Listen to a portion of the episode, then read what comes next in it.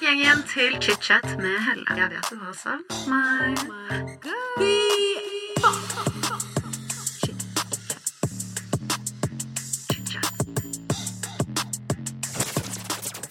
I dag får jeg besøk av Mats Klemetsen. Du kjenner han kanskje igjen fra Instagram-profilen Mats pusser opp, eller kanskje du har sett han i T-programmene 16 ukers helvete eller Eventyrlig oppussing. I dag får vi høre om livet til Mats fra A til Å. Og han forteller oss om hvordan det var å vokse opp på hestegård i Kragerø, og om veien frem til i dag som prisvinnende oppussingsinfluenser. Mats har jo tatt en litt annerledes vei når det kommer til jobb og ja, livet generelt, kanskje, enn de aller fleste. Og jeg syns at det å høre hans historie i dag har vært så sinnssykt uh, inspirerende. Det har vært gøy å høre hvordan han og samboerne Helene har jobbet uh, målrettet sammen mot et felles mål. Og eh, vi kommer oss ikke unna litt kjærlighetsprat også i dagens episode, for Helene og Mats skal gifte seg til sommeren. Så han deler om forholdet, hvordan de møttes, og om planer for fremtiden. I tillegg får vi et innblikk i hvordan eh, Mats har kommet seg inn i TV-bransjen, og om hvordan det har vært, med, eh, vært å være med på 16 ukers helvete, noe jeg syns er ekstremt imponerende at han har fått til. Velkommen tilbake, dere, til chit-chat. Mats, velkommen til chit-chat. Tusen takk for at jeg kunne komme. Du har jo tatt tog i to timer for å være her i dag. Det gjør meg litt sånn beæret. Det gjør meg veldig glad. Men det er jo så deilig. altså, jeg, Mitt mål for 2023 var å ta litt mer tog. For den veien fra meg Enten så kan du kjøre i to timer, eller så kan du bare ta tog i to timer. Og nå har jeg fått jobba masse på kontor og sånne ting, så jeg er egentlig fornøyd. Ja, men det er nice, da. For vanligvis ville jeg jo hatt med arbeidsbuksa og stått opp klokka sju og stått der og jobba. Så det er deilig med å få en liten avbrekk. Det er sånn jeg ikke tenkte på. At du hadde jo selvfølgelig vært på en eller annen arbeidsplass og drevet med masse fysisk arbeid, du. Hvis du ikke hadde vært på toget. Så det er egentlig nesten litt luksus. Yes. Ja, nice. Herregud. Som du sa, du har jo um, Du tok jo toget i to timer. Men kom du da fra det nye huset deres? For dere har jo akkurat kjøpt nytt hus. Ja, stemmer. Vi kjøpte et nytt hus og tok over i 1. februar. Og så har vi ikke flytta inn der fordi det skal pusses opp. Mm, Det som er litt gøy med huset, er at egentlig så hadde det ikke behøvd å pusses opp. Men det er noe med at vi liker å lage det sånn til vårt eget. Ja, det er jo De aller fleste gjør jo det nå, Ja. føler jeg, da. Jo, jo, men så er det liksom eh, det er sånn, hva Har du hjerte til å rive et bad fra 2022? Oi, det var såpass Ja, men eh, det var jo rød sånne Fibo-plater. Og da var det ikke så vanskelig. Men eh, så rødt bad, ville du hatt det? Ellers tusen takk. så det var det egentlig det første jeg reiv. Men eh, det blir veldig kult og veldig bra, og det blir eh, veldig oss. Og det er det viktigste. Herregud, så gøy. Gratulerer. Tusen takk. Altså, det å kjøpe ny bolig er det beste i Ja. verden. Bare ny start er bare deilig. Ja, helt enig. Og vi har faktisk gjort eh, Jeg vet ikke, vi har flytta i hvert fall fem år de siste åra. Ja. De siste seks eller syv åra. Så vi flytter mye og har flippa litt bolig på veien. Altså du kjøper en bolig, pusser den opp, og så selger den igjen. Eh, og så jobber vi oss litt med hva er det vi egentlig vil ha. Eh, samtidig som at nå prøver vi å Det huset vi har nå, jeg vet ikke om det er fan destination, men i hvert fall gjøre det sånn som vi vil ha det. Eh, og så får vi se hvor lenge det varer, om hvor lenge vi blir det. Å, men det er hyggelig. Den prosessen er så gøy. Ja. Å, herregud. Jeg gleder meg til å følge med. Du har jo på en måte hvis jeg kan si det, blomstret på sosiale medier de siste par årene, kanskje spesielt, i en sykt kul nisjebransje innenfor liksom influenserverden. Som jeg syns er bare så sykt rått at det er en verden som egentlig er for alle. Som kanskje egentlig har blitt litt karakterisert med beauty eller liksom eh, bloggere helt i starten. Så jeg gleder meg til å høre om liksom hele veien. Men først må vi tilbake til Porsgrunn. For du er jo fra Porsgrunn og oppvokst der. Nei, det Er du ikke? ikke? Nei, jeg er fra Kragerø. Å, herregud! Ja, sommerbyen. Så der var det jeg sta startet, altså min, min eh, hva kan du si, oppvekst. da. Frem til jeg var 17. Da tok jeg valget og flytta fra Rede. Og flytta opp til Porsgrunn for å gå på elektrikerlinja. eh, og så var jeg også litt lei av, for der bodde jeg på en gård. En hestegård. Krager ridesenter. Eh, og da var jeg litt lei av på en måte å, å, å bo så langt unna alle, så jeg ville liksom inn i byen og få et nytt miljø og et eh, ny, ny fresh start. da. Så derfor så tok jeg valget og så flytta til Porsgrunn. Shit. Ja, det var dårlig research fra min side. Men herregud, så gøy! det er ikke så gøy. mange som vet det, altså. Fordi at det, mange vil nok se på meg som en sånn Porsgrunnsmann. Så, og, og det er der jeg også har lyst til å bli. Eh, jeg skal ikke tilbake til Kragerø. Det er mer en sommerby for meg. Men eh, ja, det er ikke en for dårlig research til deg, altså. For det er, ikke, det er ikke noe jeg skriker høyt om. Men eh, hva var det du sa? At du hadde vokst opp på hester? Ja, hestegård. Herregud, så Det høres ut som et paradis da, for en kid. Eh, ja, altså Det var jo på en måte det, fordi at du hadde jo veldig mye frihet rundt. da Og, og veldig fri oppvekst. Altså Foreldrene mine jobba masse, så jeg fikk egentlig gjøre det jeg ville rundt der. Eh, så, så jeg har nok blitt den jeg er i dag fordi at jeg har oppvokst på gård. Eh, samtidig som at jeg har jo en arbeidsvilje og en arbeidskapasitet som sikkert ikke ligner så mange andre. Eh, og det er nok også fordi man kommer fra gård, da. Ever catch yourself eating the same flavorless dinner three days in a row? Dreaming of something better? Well, HelloFresh is your guilt-free dream come true, baby. It's me, Kiki Palmer. Let's wake up those taste buds with hot, juicy pecan-crusted chicken or garlic butter shrimp scampi. Mm. Hello Fresh. Stop dreaming of all the delicious possibilities and dig in at HelloFresh.com. Let's get this dinner party started. Hey, it's Ryan Reynolds, and I'm here with Keith, co star of my upcoming film, If, only in theaters, May 17th. Do you want to tell people the big news? All right, I'll do it. Sign up now and you'll get unlimited for $15 a month in six months of Paramount Plus Essential Plan on us. Mintmobile.com slash switch. Upfront payment of $45 equivalent to $15 per month. Unlimited over 40 gigabytes per month. Face lower speeds. Videos at 480p. Active Mint customers by 531.24 get six months of Paramount Plus Essential Plan. Auto renews after six months. Offer ends May 31st, 2024. Separate Paramount Plus registration required. Terms and conditions apply if rated PG. Quality sleep is essential. That's why the Sleep Number Smart Bed is designed for your ever evolving sleep needs. Need a bed that's firmer or softer on either side? Helps you sleep at a comfortable temperature? Sleep Number Smart Beds let you individualize your comfort so you sleep better together. JD Power ranks Sleep Number number 1 in customer satisfaction with mattresses purchased in-store. And now, save 50% on the Sleep Number limited edition Smart Bed for a limited time. For JD Power 2023 award information, visit jdpower.com/awards. Only at a Sleep Number store or sleepnumber.com. Det gir så mening når du sier det på den måten, fordi du jobber mer enn noen andre har sett, tror jeg, hele livet mitt. Altså, det er helt vilt. Og du har jo også nevnt noen ganger på sosiale medier at du er sånn OK, jeg må passe på så jeg ikke går på veggen helt her, for du står jo opp klokken syv og er hjemme klokken ti. Virker det som hver dag. Ja, det er jo ofte beste fall. Jeg kan Ah, jo finne fint være hjemme ja, 11-12, men så har jeg også begynt med dette her Instagram og sosiale medier-hysteriet, som også tar enormt mye tid. Altså redigering. Ah, og jeg er så nøye på at jeg har lyst til å ha det akkurat sånn. Så jeg, Ja. det går fort tre-fire timer på kvelden hvor jeg egentlig kanskje burde vært med kjæresten min, men jeg bare sitter i min egen stol og min egen verden og bare gjør det jeg liker å gjøre, da. Og, og redigere og få lagt ut til seerne. Eh, men det er klart at det, det går på litt på bekostning av eh, andre, annen tid. Ja. Ja, det skjønner jeg. Altså, jeg har jo fulgt deg siden du hadde sånn 15 000 følgere. Har du det? Ja, jeg har fulgt deg sykt lenge, og nå har du jo, jeg sjekket i sted, du har 108 000 følgere på Instagram i dag.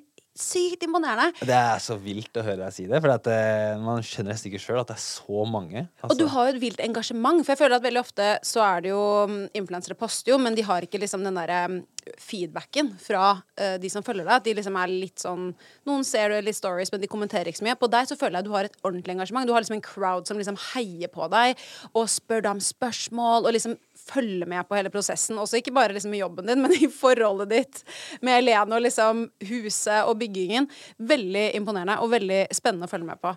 Elsker deg. Men eh, du er jo også kjent fra TV.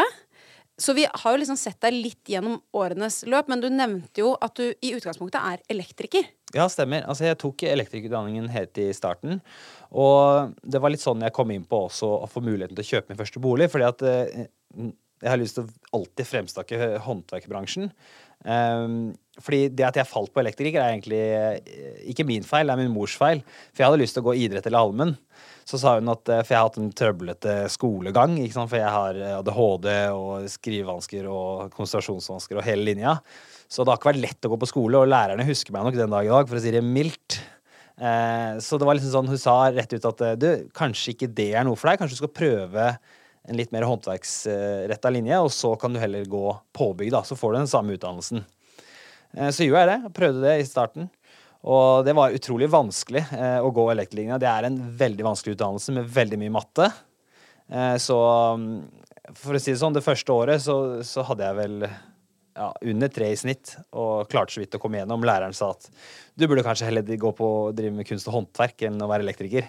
Ok. Fordi du har liksom ikke evnen Eller altså du har ikke evnen til å konsentrere deg nok til å bli elektriker. da Og da bytta jeg faktisk skole, fordi det endte med at jeg følte ikke at læreren hadde trua på meg. Ja, selvfølgelig. Ja, Så jeg bytta skole til en skole som var en halvtime lenger unna.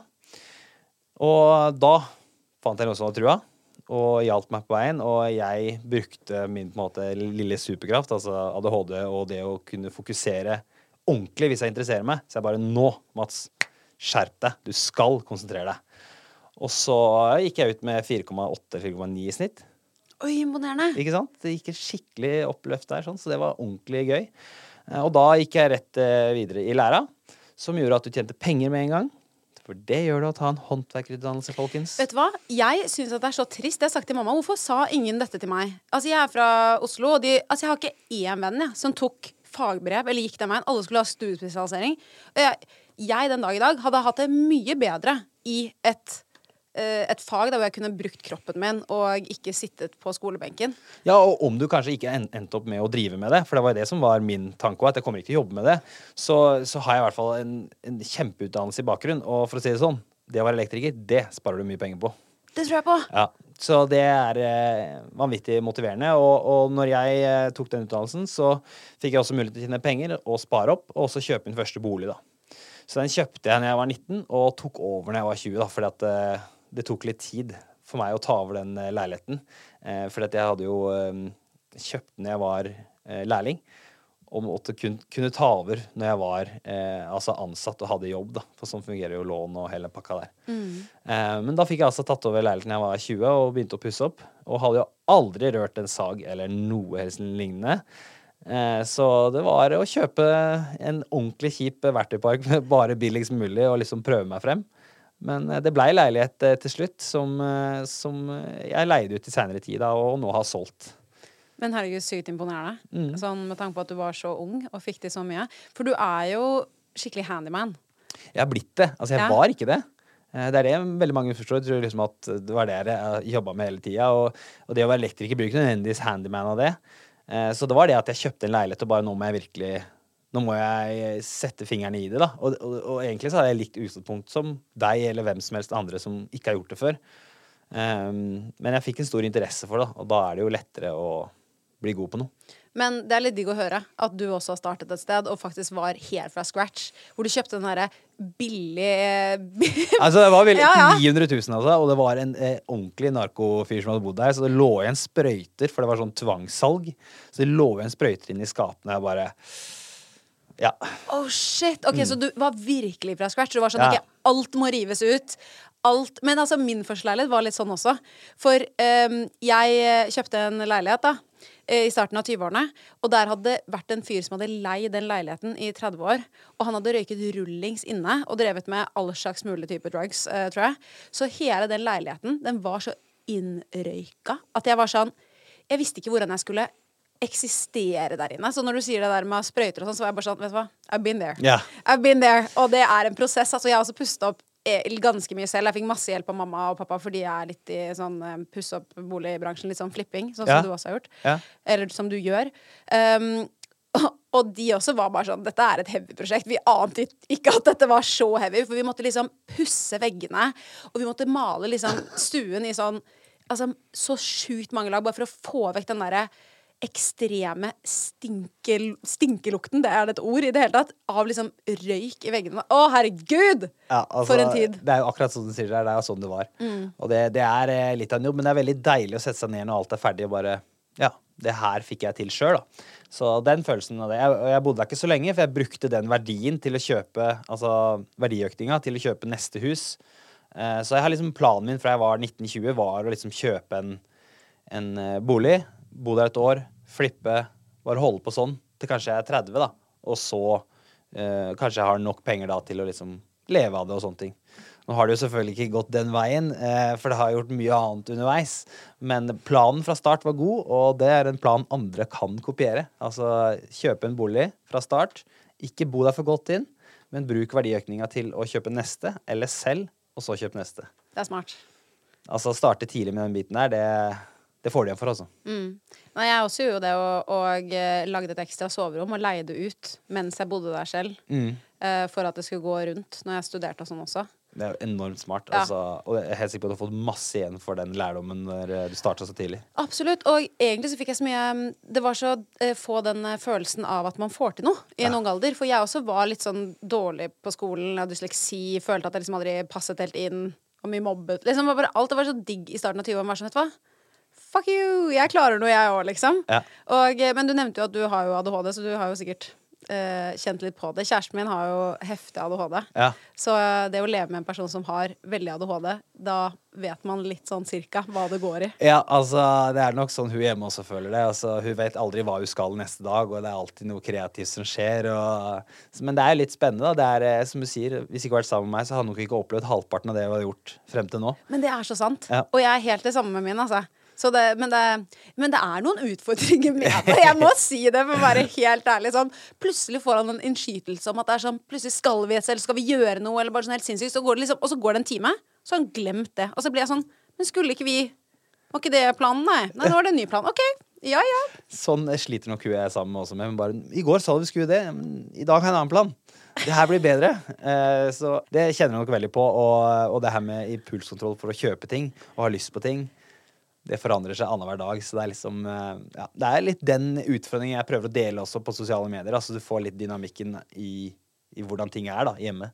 Men jeg elsker at du er så personlig, og at dere byr på litt deres privatliv også. Fordi det gjør at man eh, ja, får et større liksom, inntrykk av menneskene bak disse profilene. Det er veldig hyggelig, hvis jeg kan si det på den måten, for det er jo ikke alle som er så personlige. Og Nei, nice. jeg, jeg tror folk har godt av måte, å se hele bildet, og ikke bare oppussinga og, og etter bildene. Da, for å si det sånn. Det er veldig ofte De fleste profiler deler jo hvis de skal pusse opp. Men de deler bare sluttresultatet hvor fint det blei. Ikke hvor hardt det var å komme dit. Fordi det er enormt mange arbeidstimer og mye som skal gjøres. Og uavhengig faktisk om du pusser opp sjøl òg. at hvis du faktisk står der og styrer med håndverkere, så er det veldig mye jobb, det òg. Å holde tak i alle tøylene for å si det sånn, på de håndverkerne, og hvordan her skal bygges. og så bare alle som driver med sosiale medier ute, bare del mer. Del mer av den prosessen, fordi folk står i det sjøl også. Og vi trenger å se ikke bare det glansbildet av når du har sminket deg perfekt til fest, eller akkurat har fått en lønnsforhøyning, eller når du liksom sitter i din helt nye kåk og har det fantastisk. Ja, det er så enig. Jeg er så sykt enig. Men du er jo i dag en av Norges største influensere innen bygg, interiør og oppussing. Når var det du begynte å poste på sosiale medier? Du, jeg begynte faktisk på min privatprofil som heter Mats Klemetsen. Altså som er, det er meg, da. Uh, så hvis man blar langt nok det der, så finner du oppussing. Uh, men så var det hun jeg er sammen med den dag i dag også, uh, som da tror jeg var Jeg var ikke mer enn 21. 22, kanskje. Som sa at Nei, vent, ja, kanskje 2-23. Ja, det var kanskje litt seinere. Som sa at nå begynner det å bli mye oppussing som du har lyst til å dele. Kanskje du skulle lagd deg din egen SoMe altså til Instagram, da, til det. Og så satt vi og drøvla liksom hvilket navn. Ja, nei, du heter jo Mats, og du har lyst til å pusse opp, så hvorfor ikke bare kalle deg Mats pusser opp? Og da var det ikke så mange andre profiler som het noe pusser opp, så det var mest ja, som glam og den biten der, da, som var mest ute. Um, så gikk det Hun hadde Hun driver jo sosiale medier sjøl, og hun hadde vel da 8000-9000 følgere. Så det ga meg en ekstra kick da på at eh, når jeg startet profilen, og hun sa at nå skal kjæresten min drive med oppussing, eh, følg den profilen, så fikk jeg vel en rundt en 1000 følgere. Og det er digg sånn i starten, Ja. fordi jeg skulle akkurat å si det, liksom. Det å starte Jeg husker første posten min, jeg hadde tre følgere. Og det legger, Jeg turte ikke si det til vennene mine engang. Jeg syntes det var så flaut. Og det er egentlig så teit, fordi alle har startet et sted. Ja. Men jeg forstår at det at kjæresten din hjalp deg litt i starten, bare ga deg en litt sånn boost, da. Ja, ja, ja, og, og den boosten trengte jeg, og, og det ga meg masse motivasjon. Jeg fikk inn spørsmål, og jeg visste ikke svaret sjøl. Vi kunne diskutere oss frem til svaret, altså meg og følgerne. da. For jeg har jo, visste ikke så mye bedre enn de. Jeg bare pussa opp på det jeg hadde lyst til å gjøre. Pussa opp bad sjøl. Eh, mange sier det ikke er lov. Det er lov, men Det er får, lov, ikke sant? Ja, du bare får ikke den dokumentasjonen du trenger. Så så lenge du er ærlig på det når du selger, så, så kan du fint pusse opp det sjøl. Det var digg å høre, ja, ærlig. ja, jeg skjønner det, men det det anbefales jo det, å bruke ja. fagmenn på det. Eh, men, men det er ikke noe lov som sier at du ikke får lov. Men eh, forsikringsselskapet setter nok pris på at du bruker fagmenn til det. Men i hvert fall, jeg gjorde jo bare det jeg hadde lyst til å gjøre, og delte det. Og folk syntes det var så kult at man på en måte bare kjørte på. da. Og det gjør jeg enda den dag i dag. Den profilen har vel passert sikkert rundt fem år. da. Fire-fem år. Så jeg gjør egentlig det samme, og jeg føler jeg er den samme som når eh, jeg startet. Og det Kan du kanskje du bekrefte, fordi du har jo fulgt meg lenge. Ja, men det er virkelig, og jeg liker liksom den dynamikken mellom dere, og jeg liksom har sett dere flytte forskjellige steder, og så kommer bikkjene, og så Ja. Det er gøy å følge med, liksom. Jeg føler at det er litt som en TV-serie, nesten, på Instagram. Og det er hele målet mitt faktisk med Story. At man på en måte bruker Story til at man egentlig følger en sånn follow-TV-serie. da. Eh, Så folk ønsker veldig at jeg skal få en egen TV-serie, fordi at de vil bare ha mer. da. Jeg. Men jeg prøver å, å dele mest mulig på Story, da, altså holde den. Så, så den, den ligger jevnlig på 40 000-50 000 seere hver dag. Og da får du jo engasjementet, ikke sant? På Instagram. Ja. Altså fra en person som har mye inside i algoritmer, sånn med til kollegaene mine og sånn, vi deler liksom alt. 40 000-50 000 views på Instagram Stories er helt sjukt mye. Fordi eh, algoritmen til Instagram siste liksom halvannet året har gått helt bånn i bøtta på alle, liksom. Nei, og, og det du sier der, sånn, det, er litt, det er veldig gøy å høre, da. For jeg vet ikke så mye hva andre har.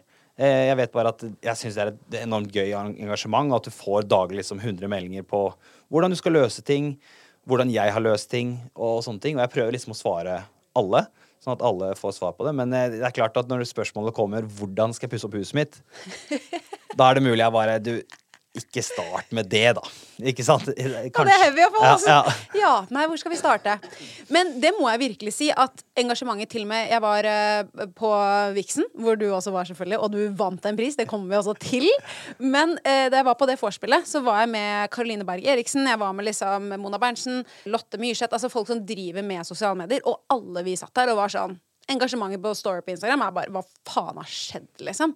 Så du må virkelig vite det. At det er cred til deg, for algoritmen har bare fucket over så mange av kollegaene mine. Ja, det er så vanvittig gøy å gjøre. Altså, for at jeg, jeg, jeg smiler skikkelig. Jeg syns det er ordentlig moro. For det, den, den Mats Klemetsen-profilen også, som er en mindre profil, en har 30 000 følgere, men den også ligger på rundt sånn 21-22 på Story Det er daglig. sjukt! Det er så stor prosentandel av følgerne dine. Ja. Det har jeg aldri hørt før. Sånn Nei, det er enormt moro, da. Så det, ja, Det da gjør jeg i hvert fall noe riktig. Ja, du gjør noe riktig.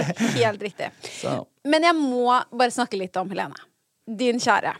For uh, hun også jobber jo med sosiale medier, sånn som du nevnte. Men når ble dere sammen? Hvor lenge har dere vært sammen? Jeg uh, så Helene første gang på en uh, teaterscene. Eller ikke teater, men en sånn rå... Hva heter det for noe, da? Um, revyscene.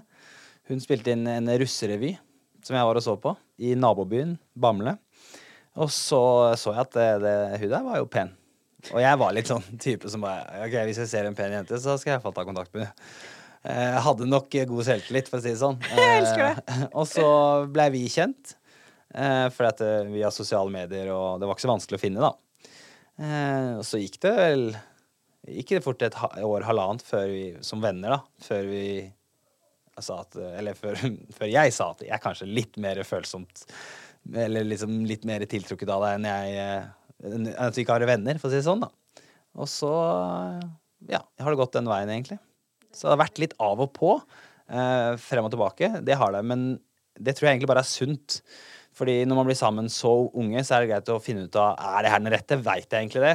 Gå litt fra, og så bare se det litt fra avstand. Gå tilbake igjen, og så gå frem og tilbake en gang til og en gang til.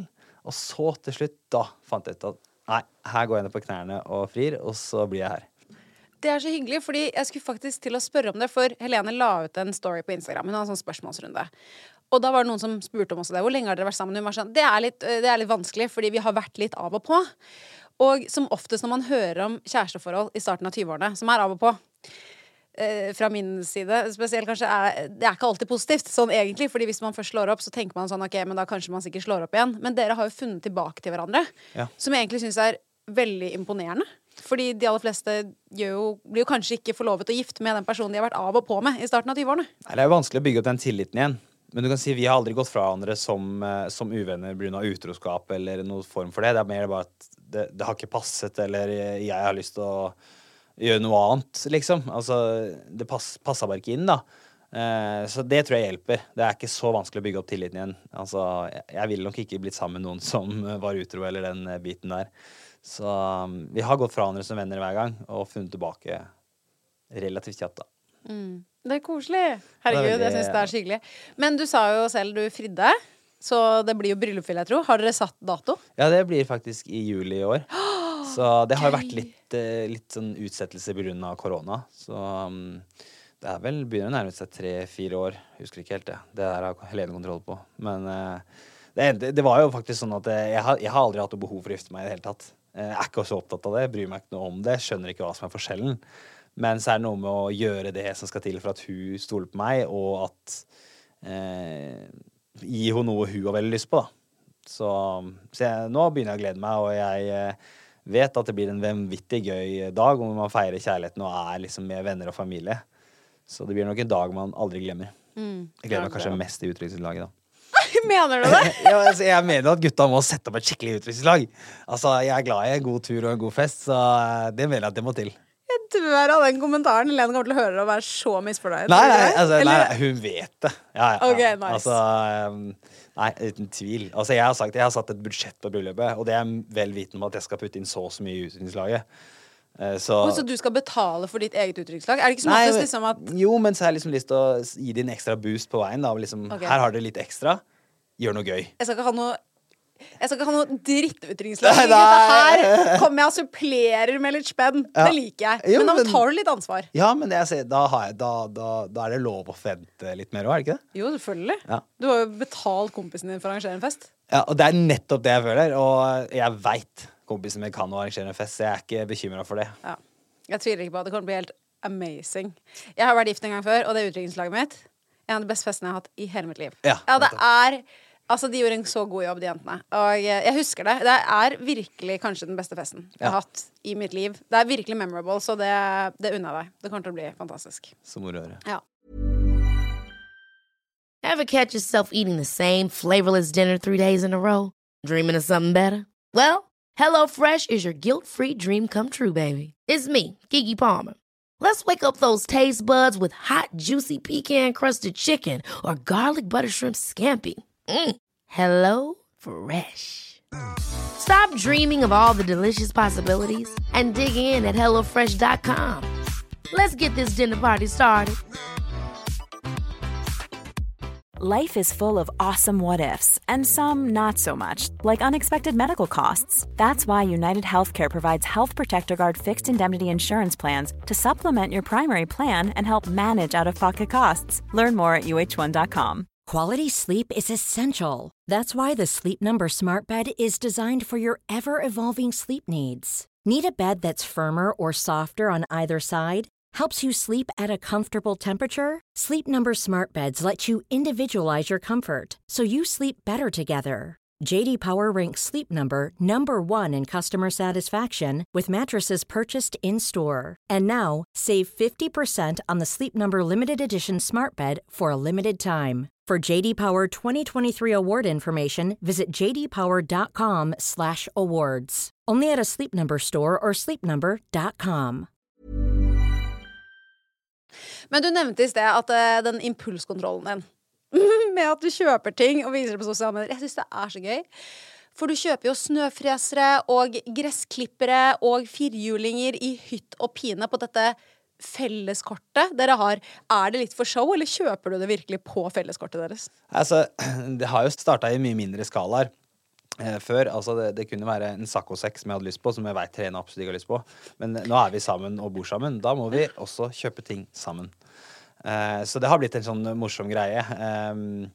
Og det er ikke alltid ting man vilje. Eller ofte så, hvis jeg mener at vi trenger en ny, freser, ny snøfreser, så er det fordi jeg mener at vi trenger det. Eh, og, og, og om Helene er enig eller ikke, det, det vei- hun, hun, hun finner jo ut av Altså sånn som nå, da. Når jeg har hatt den snøfreseren et år. Jeg føler jeg må forsvare meg her. Så, så, så, ser du, så sier hun hver dag at Åh, den er så god, den freseren. Det er så digg å bare ha et ordentlig verktøy. Mener du det? Ja. Sier hun det? Så jeg, men, men fortsatt så lærer hun ikke av at hun burde bare gi meg kontroll over alt det der. Det der eh, hva vi trenger. Så at hun skjønner det. Jeg elsker at du fortsatt liksom er sånn, vet du hva, vi trenger fire saccosekker. Ja. Og hvis Helene ikke forstår det, det går ikke. Da må liksom. jeg bare jobbe meg til det, og hvis hun fortsatt ikke forstår det, så er det, så så er det kanskje sånn at man må kanskje kjøpe det for egne penger. Og så i det sekundet Helene sier ja, det her var lurt. Ja, da sender jeg deg Vipps-nummeret. For jeg har nemlig lagt ut for det, og da kan du være med og betale for det. Så eh, vi får se hvordan ting utvikler seg, men eh, at eh, forholdet er litt sånn, det er det. Men det må jo ikke gå utover vår økonomi, på en måte. Så, så, så jeg er veldig nøye på penger, og folk må ikke tro at jeg på en måte kaster ut meg heller. Jeg er veldig betenkt på hvordan jeg løser ting. Så det er mest Det at jeg legger ut, er i hvert fall mest for show. Ja, jeg skjønner jo det. Og ja, jeg tenker jo også det at du ikke bruker opp alle matpengene deres på liksom en snøfreser når dere hadde en annen i garasjen. Det kan jeg forstå. Nei da, det, det, jeg har en plan bak det. Og, um, så det er med sjarm, i hvert fall. Ja, herregud. Jeg elsker deg. Jeg elsker deg. Men du virker jo som en veldig positiv sjel. Jeg må bare spørre deg rett ut. Er det litt for show, eller er du virkelig så positiv som du virker på sosiale medier? Nei, jeg er nok så positiv. Altså, jeg, jeg er veldig sånn at jeg liker ikke å tenke på det negative, og jeg har ikke noe behov for å, å tenke på det. Eh, du kommer ingen vei med det. Så jeg er nok positiv, og jeg er veldig glad i livet og alt som skjer, og at noe skal skje hele tiden. Eh, og så er jeg veldig løsningsorientert, da. Eh, altså, hvis det er noe som skjer i livet, eller de er rundt, så er jeg veldig sånn Sånn fikser vi det. Eh, og så er ikke det alltid positivt for dere jenter, når jeg sier dere. For jeg føler du også kanskje er innenfor den kategorien at hvis du kommer hjem og har en dårlig dag, så er det ikke alltid du vil høre løsninga. Du vil bare ha en klapp på skuldra og si 'dette løser seg'. Det er så deilig når noen har forstått det der. Altså. Eh, og der er Ah. ikke jeg. Jeg er liksom rett på løsninga. Sånn som hvis Helene liksom har influensa, så er jeg bare ja, da må du til legen. Og så må du eh, Ja, du må få en antibiotika, og så må du fikse det. Og så kan du gå på jobb dagen etterpå. Mens hun er bare sånn ja, men jeg er bare litt sjuk. Men altså, dette er sånn her det er. Ja, ja, og sånn har de fleste det. Eh, Men jeg er nok veldig løsningsorientert og eh, ja, positiv til livet og hvordan ting skal løses. Og det er jo egentlig helt fantastisk, da. Vi alle trenger jo en sånn person i livet, vil jeg jo si. Det er jo veldig deilig. Ja, altså du kan si sånn som jeg fant litt råte i huset, da. Eh, Det høres veldig dramatisk ut, men det er rett og slett fordi at badet, det gamle badet har lekket litt vann fra sluket, og så har det ødelagt treverket under. Og så er det veldig kjipt der og da. Bare sånn Det var, det var tungt. Men så er jeg veldig rett på å bare ta hammeren, få det vekk, sette på nytt. OK, time etterpå så var det fiksa. Istedenfor å gå og vrevle over det, da. Var det fiksa på en time? Mener du det? Ja. Det det. Er jo helt sjukt. Jo, en Ja, og det er liksom bare det å starte, da. For man kunne jo da begynt på en måte forsikringsselskapet og prøvd å få igjen og styre ordna. Eh, men så er det sånn Vet forrige eier om skaden ikke Altså, det er en vanskelig vei å begynne på, da. Eh, så for min del da, så er jeg veldig sånn løsningsorientert. OK, vi bare fikser det. Jeg liker det. Ja, det er godt å høre. Herregud, nydelig. Og bare tenk på den der prosedyren der. Skal du ta bilde, sende det i forsikringsselskapet, så får du svar om to uker. En eller annen advokat som er sånn Du har ikke sendt nok bilder. For... Det har tatt deg liksom fire måneder, da, sikkert. Ja, og, det, det, og i noen tilfeller selvfølgelig så må man gjøre det, men, eh, men eh, som regel så er jeg veldig løsningsorientert og fikser det meste. Eh, Og det er nok eh, Helene også veldig glad for. Ja, ja, virkelig. Det kan jeg se for meg. Men mange kjenner deg sikkert igjen fra Eventyrlig oppussing. Og TV. Du har jo også vært med på Hva heter det ryddeprogrammet? Rydderevolusjonen. Rydderevolusjonen. Yes, Så er sorry. det 16 uker helvete, da, som kanskje liksom er der hvor folk på en måte har blitt kjent med en annen side enn oppussing. da. Ja. Men kan jeg bare spørre, hvordan kom du liksom inn i TV-bransjen? Altså, Eventyrlig oppussing er jo ikke egentlig en TV-jobb, det er mer en sånn sponsorjobb. Fordi at eh, den spons... Altså, Eventyrlig oppussing hadde lyst på en elektriker som kunne være ti sekunder på TV liksom, og si de rette tinga. Og de, og de som leverte elektromateriell, hadde lyst på en person, da. Og ikke, ikke bare en elektriker per sted Eventyrlig oppussing er. Eh, Og da hadde jeg bygd meg opp på Instagram, og så fant de meg der. Og så var liksom veien inn der var liksom at man ja, var med og prøvde en episode og så hvordan det var. Og så funka det, og så har jeg vært med nå i to sesonger, da. Og så har eh, Ellers så er det jo Altså, du kan si Jeg har jobba målretta mot TV. Jeg syns det virker veldig spennende og gøy. Eh, Så det har liksom vært min visjon hele veien å få eget TV-program. Da må jeg liksom Hvordan kommer jeg opp dit? Jo, da må jeg bygge meg opp på story, lage så folk ser at det her er egentlig TV. Oi, Så du har faktisk planlagt dette lenge? At det er faktisk en ordentlig strategi? Ja, ja. Det er, det er ganske gjennomtenkt, ja. Oi, men det elsker jeg å høre, egentlig. At du er såpass strategisk og, og ærlig om det. At du liksom er sånn Ok, jeg vil faktisk ha min egen TV-serie. Altså, jeg har Ikke men, som, som for å feede egoet mitt, mer sånn at jeg har noe å vise frem. Jeg har noe, jeg har noe å inspirere folk. Jeg vil at flere skal bli håndverkere. Jeg vil at flere skal tørre å prøve hjemme, tørre å gjøre ting. Det blir bare dyrere og dyrere å, å få inn håndverkere, så gjøre mest mulig sjøl. Så jeg har liksom det å vise frem, da jeg brenner for det, og da har jeg lyst til, mener jeg at TV er liksom veien å gå, eller TV og sosiale medier, da. Eh, Så, så det her med story og at folk skal være med mest mulig og føle at de er en del av livet mitt, det, ja, det er 100% en plan, ja. Så glad for det du sa der med at du vil inspirere flere til å bli håndverkere. For det føler jeg Spesielt når jeg gikk på skolen, så var det sånn Det var bare Det var ikke snakket om engang. Som jeg egentlig syns er helt sinnssykt. At ikke jeg fikk mer informasjon som 15-åring, om at det var en mulighet. Jeg, jeg trodde seriøst ikke det var en mulighet. Jeg Nei. skjønte ikke at det, jeg kunne bli eh, også kunstner, men også liksom håndverker, elektriker, Rørlegger. rørlegger. Altså alt mulig, da. Jeg visste ikke at mulighetene var der. Så syns jeg er dritbra. Ja, og jeg ser på sosiale medier, så er det veldig mange som faktisk eh, har tatt den veien fordi at eh, de har fulgt profilen min og liksom slutta i en kontorjobb og blitt lærling som rørlegger, snekker, elektriker. Og bare digger hverdagen fordi de får lov til å være fysiske, de er ute, lærer noe nytt hver dag. Og kanskje ikke det er det du skal jobbe med resten av livet, men da har du i hvert fall en utdannelse, og du har noe i, rygg, i, i, i ryggsekken, da. Så jeg Og noe du kommer til å bruke mye, tenker jeg, på hjemmefronten, sånn som du også nevnte. At du kan fikse ting hjemme, gjøre ting rimeligere, fikse ting for venner og familie. Ja, å hjelpe andre, det er jo vanvittig god følelse i det også, ikke sant. Hvis du, hvis noen, en venn av deg står overfor og skal selge, og så trenger de hjelp med det, det, det, så, det er en veldig god følelse å kunne hjelpe til med det, da. Mm, ja, det skjønner jeg kjempegodt. Men du har jo flippet leiligheter, som du nevnte i sted også. Og i fjor så flippet du en leilighet i Oslo som du ikke gikk i pluss på. Og jeg syns egentlig det var litt kult at du delte. Fordi det er jo det du nevner også, at du vil vise begge sider av en sak. Og, og det å flippe leiligheter, det er dritvanskelig. Og når du la ut den posten, så tenkte jeg bare sånn Fy faen, det her er fett. Det er kult at noen viser den siden av det. Men du har fortsatt prøvd å flippe på nytt nå. Ja, og, og det er liksom det der å tørre å prøve igjen. Ja. Eh, og så skal jo det sies at den er ikke solgt ennå, den heller. Og det er jo ikke noe galt med huset nødvendigvis, men det er bare det at ja, det er litt annerledes tider nå, da. Så man bare tar litt lengre tid å selge. Så jeg er ikke så veldig nervøs for det, egentlig, for jeg veit at uh, huset er bra, da, og at, at vi har gjort noe riktig der. Uh, men sånn som med leiligheten også, så følte jeg akkurat det samme. Det var liksom ikke noe gærent der. Eh, men markedet da var liksom akkurat eh, krigen i Ukraina hadde, st- starta, og liksom covid og ja, Det var mye, mye usikkerhet, da. Så det er ikke lett å drive i det bransjen som er nå. Det var nok litt lettere før, men så er aldri flipping lett. Altså, folk må ikke begynne med det, for de tenker at det er snarveien til en god økonomi. Og, og jeg har heller ikke tjent så mye penger på det ennå. Hatt et godt prosjekt eh, her og der.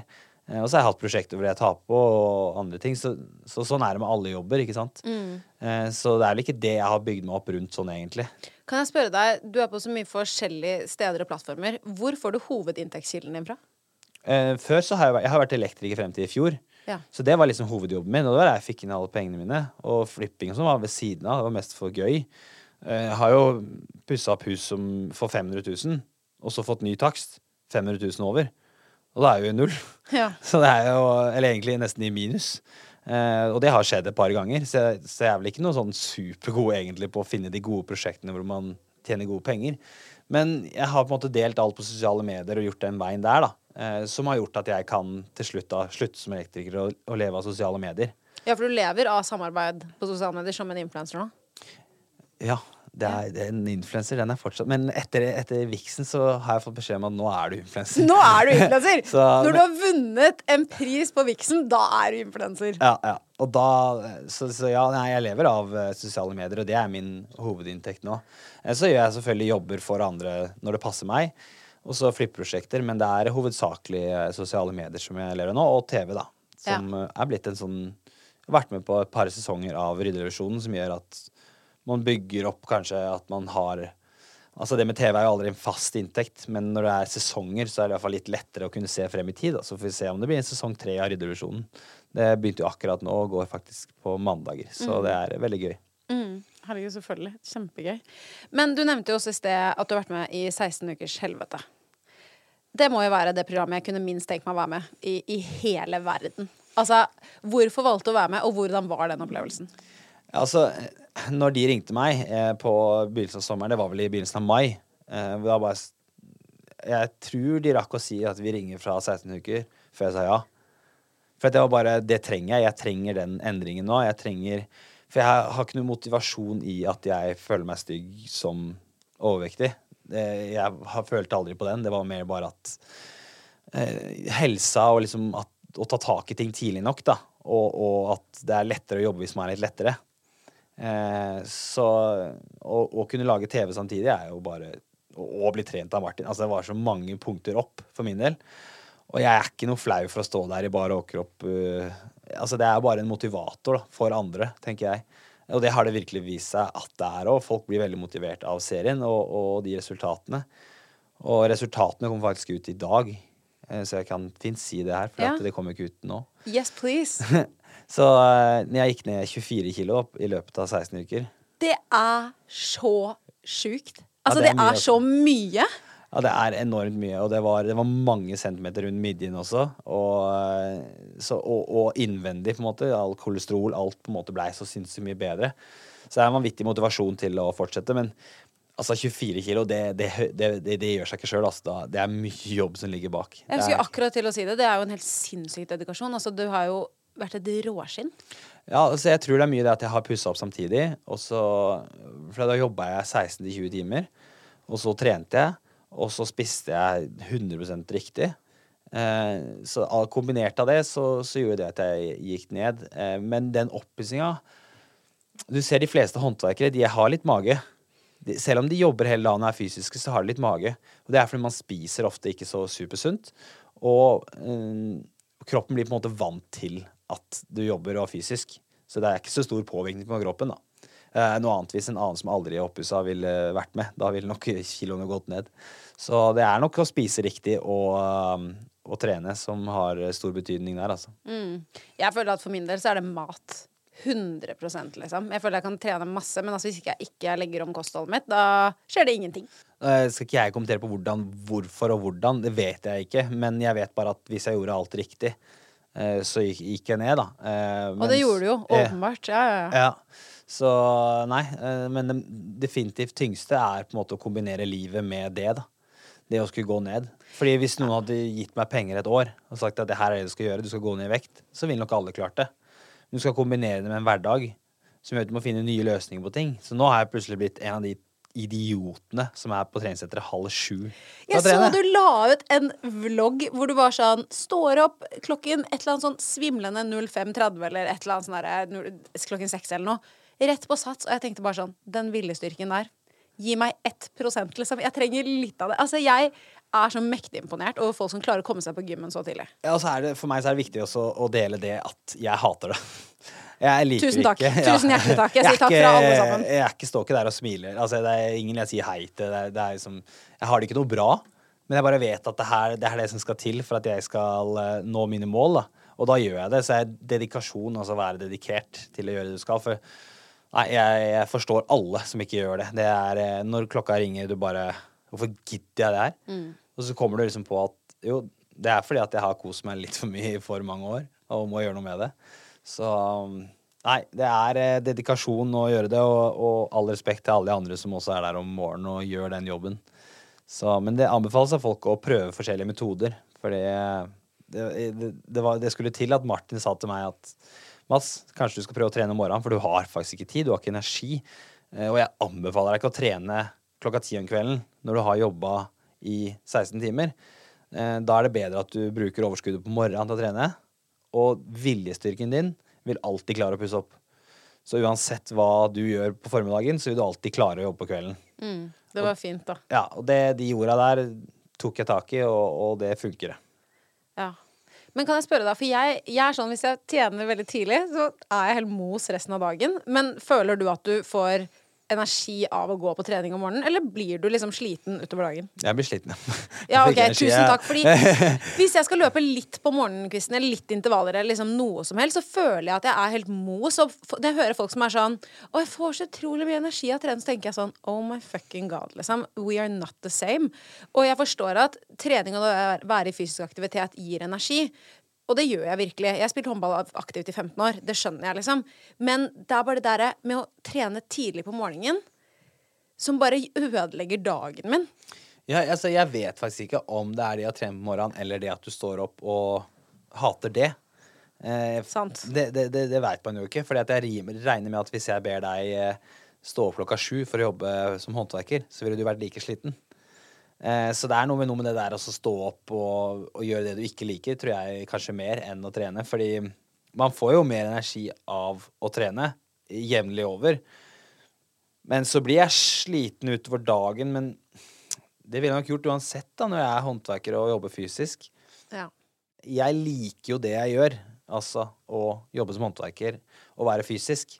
Jeg kommer aldri til å sitte på kontoret og styre over andre. For jeg kunne sikkert starte opp et firma nå som hadde hatt masse stor kundegrupper under Instagram. Men det er ikke meg. Jeg er mer der ute på gulvet. Jeg har heller lyst til å være med alle og jobbe. Eh, så det er det jeg får energi av, og, det vil jeg alltid klare. Og det å trene er mye tyngre. Så det å gjøre det på kvelden vil gjøre at jeg på en måte ikke orker det. Fordi det, det, er, det er det siste jeg vil. Ja. Mens hvis jeg gjør det først om morgenen, så er det unnagjort. Men du har jo bare knokket en kode her, fordi det er helt mektig imponerende. Ja, og jeg har fått et mye lettere liv, og jeg hadde aldri klart det her uten det TV-programmet. Så jeg er bare superfornøyd, og jeg skal aldri tilbake i den vektklassen. Ja. Både òg fordi at det har vært en såpass hard reise at det orker ikke å gå ned igjen, de kiloene. Eh, Og så har jeg fortsatt et mål innen i slutten av april, faktisk, at jeg skal gå ned ti kilo til. Oi. Eh, For jeg skal ta fallskjermlappen. Oi, Så- vet du hva, dette her hører jeg er en Altså, Nå skal ikke jeg trekke alle med ADHD under en, men min kjæreste er jo fallskjerminstruktør. Ja, ja. At dette er så ADHD-livet i, i, liksom, i en boks, liksom. Fordi jeg bare hører at kjæresten min er helt lik. Ja, og så er det sånn Ja, du skal gjøre det innen april, ja? Ja, da Ja. skal vi se. Da rekker jeg å gjøre det, det, det. Ja. For du har bare jobber sånn 120 eh, og så skal du liksom gå den 10 kilo, og du skal ta fallskjermlappen, som tar sykt mye tid, faktisk. Mhm. Nei, det blir spennende. Jeg gleder meg til å følge med. Det blir eh, veldig gøy. Herregud, blir gøy. Men du vant jo årets influenser i kategorien bolig, interiør og hage.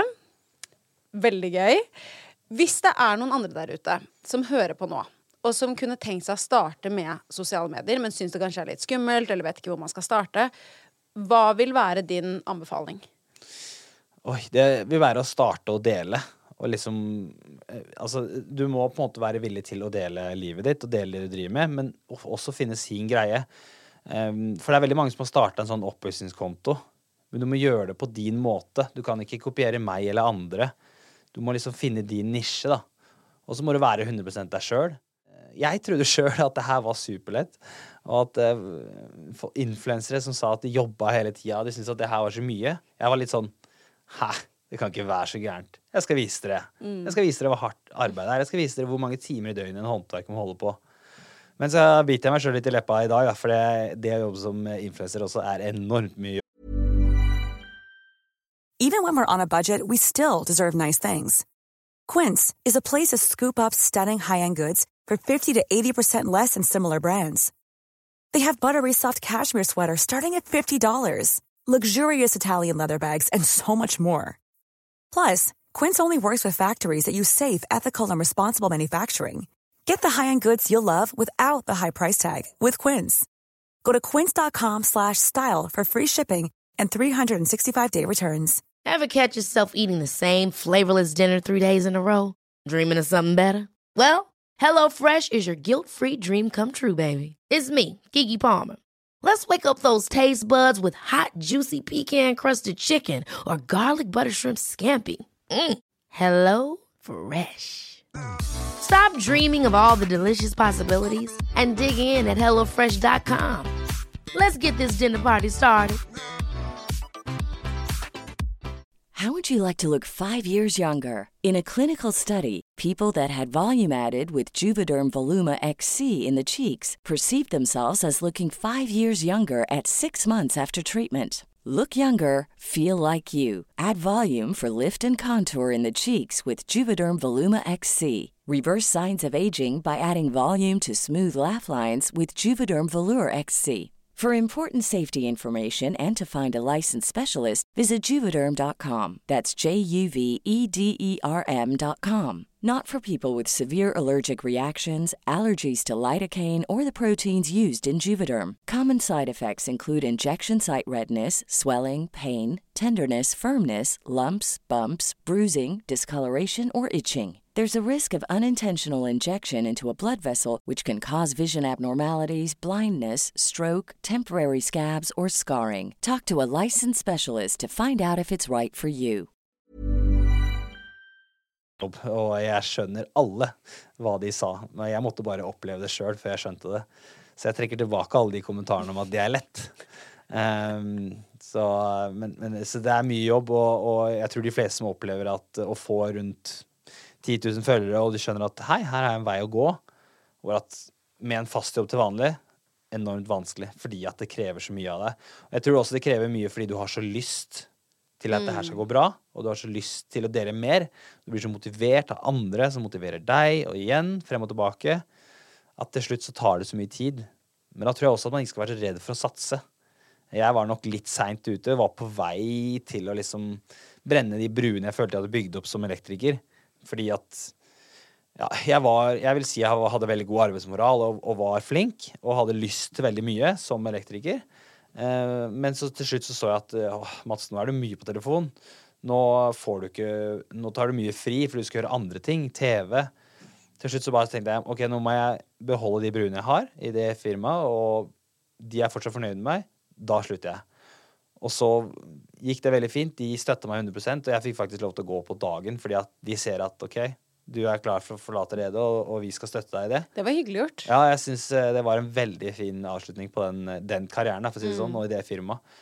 Så um, nei, jeg er veldig fornøyd med at jeg tok avgjørelsen, men jeg kunne nok gjort det et halvt år tidligere. Mm. Så du vil egentlig bare si guts? Ja. Bare sånn spare opp litt penger, og så bare prøve å hoppe i det? Ja, ikke vær så redd, og det gjelder innenfor Ja. allting. Og det der med å bli håndverker òg. Det er enormt mange kontorfolk som ikke passer til det. Eh, som kan ta f.eks. en toårig, treårig, fireårig utdannelse, og så er de håndverkere. Og den utdannelsen kan de ta mens de jobber. Kan man? Altså være en sånn eh, Det heter hjelpearbeider.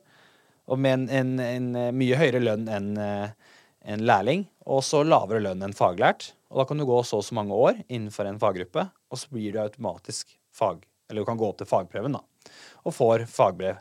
Og da, det gjør jo at du kan eh, få en utdannelse mens du jobber, mens du tjener penger. Og da er det, burde det ikke være så vanskelig å ta den avgjørelsen, slutte på kontorjobben, prøve det. Og hvis det ikke funker, så har du mest sannsynlig så gode linjer der du var, eller bruer, da, at du kan gå tilbake igjen. Du Jeg må ikke være så redd for å prøve. Jeg elsker det. Det er så bra at noen forklarer litt dette her. For jeg føler ofte at når man er i en jobb, så føler du at det er sånn Hvis jeg slutter her, så har jeg ikke noe penger, og det går ikke. Så jeg må være her. At man Nei, føler seg litt sånn, litt sånn stuck, på en måte. Men man kan gå kveldsskole, man kan ta en ny utdannelse, du kan gå på kurs, spare penger, gutse. Altså, du må på en måte Ikke slutte jobben din og ikke ha en plan. du må alltid ha en plan, og du må alltid ha en inntekt. Eh, Syns jeg, da. Altså, ellers oppsparte midler. Men altså eh, Jeg gjorde i hvert fall det at jeg eh, begynte på den andre jobben min mens jeg var i den egentlige jobben. Så jeg hadde en liksom flytende overgang. Og det tror jeg ikke er så dumt, da. Å liksom ikke, ikke gå rett over. Så, så det er ikke sånn at alle skal slenge inn eh, altså oppsigelsen sin på bordet i morgen fordi at Ja. jeg sier det. Men, eh, men snakk med folk rundt deg, og bruk de kontaktene du har. Så eh, livet er for kort til ikke trives i jobben sin, i hvert fall. Å, det er jeg så enig i. Å, det var godt sagt. Og jeg hadde en jobb en gang. Jeg sto opp, jeg gråt hver morgen. Jeg våknet Ja, klokken det- syv og gråt på sengekanten. Jeg kødder ikke. Det er for mange som, eh, som rett og slett blir i jobben sin fordi det er trygt og godt, eh, og som egentlig ikke trives og går og syter til familie og venner om at nei, jeg er egentlig lei. Jeg mener at det punktet du er lei, så er det nok andre jobber. Og jeg tror du gjør en mye bedre jobb og føler deg mye bedre et annet sted også. Det er liksom nok å ta av, men du må tørre å satse litt, da. Så den dagen jeg er lei av av å være influenser og styre med dette her, så kommer jeg også til å finne meg noe annet. Eh, Så det er ikke nødvendigvis at det er her jeg skal drive med heller resten av livet. Og folk får nyte, nyte innholdet mens det er der, fordi dere vet, en med null impulskontroll kan plutselig finne på å bare poff, borte fra sosiale medier. Jeg elsker dette. Men jeg syns det er fint å ha fokus på det at man kan bytte sjangrer også, på en måte. Eller at du kan gå over til et helt nytt yrke. Og jeg også er jo egentlig makeupartist, og nå er jeg blitt programleder i podcast. Og så plutselig om kanskje et par år så gjør jeg noe helt annet. Plutselig så er du håndverker.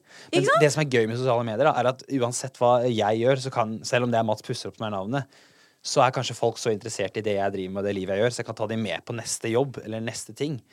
Altså Jeg gjorde jo det. Ja. Jeg startet profilen min, het helle.beauty, fordi jeg gjorde bare beauty. Altså 100% Jeg snakket ikke, jeg bare gjorde sminke, sminke, sminke. Jeg var mye på Story og sånn.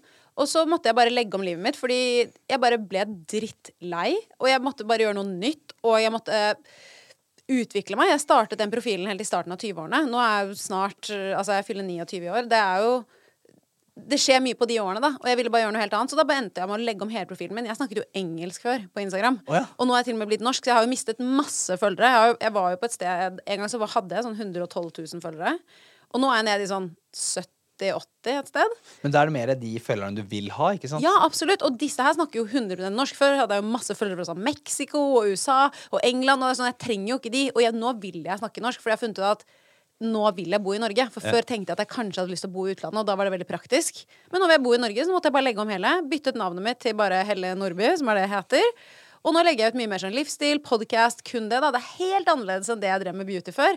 Men jeg elsker det, og de som liker det, de har jo fulgt med videre. Og det er over 70 000 folk, så det er jo nice. Ja, det er, altså, det er ingen tvil om at folk liker det du driver med. Så det er akkurat det der jeg mener. Da. Så, så sosiale medier vil nok også følge meg som person. Så ja, jeg tror uansett hva jeg driver med, så kommer jeg nok til å ta med den biten. Eh, og det er jo det som er gøy, å følge noen som er unge, som på en måte har ikke veit helt hva de skal drive med enda, For det veit jeg ikke. Um, så, så vi får se. Altså, akkurat nå så ja, håper jeg på at det blir eh, kanskje mer TV eller den veien der, da. Så vi får se. Herregud, jeg gleder meg til å følge med på husbygging og TV, potensielt egen serie. Jeg håper det. Jeg krysser fingrene. Men dette har vært en så hyggelig samtale, Mats. Jeg må bare si tusen hjertelig takk for at du tok tog i to timer og kom hit for å snakke med meg.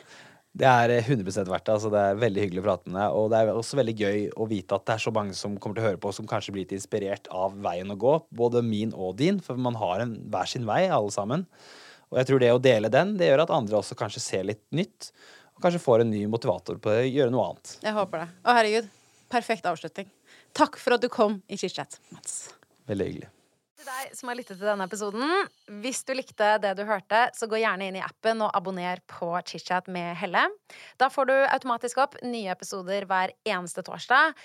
Og hvis du er ekstra grei, så legger du gjerne igjen en review. Det hadde jeg satt kjempestor pris på. Vi høres!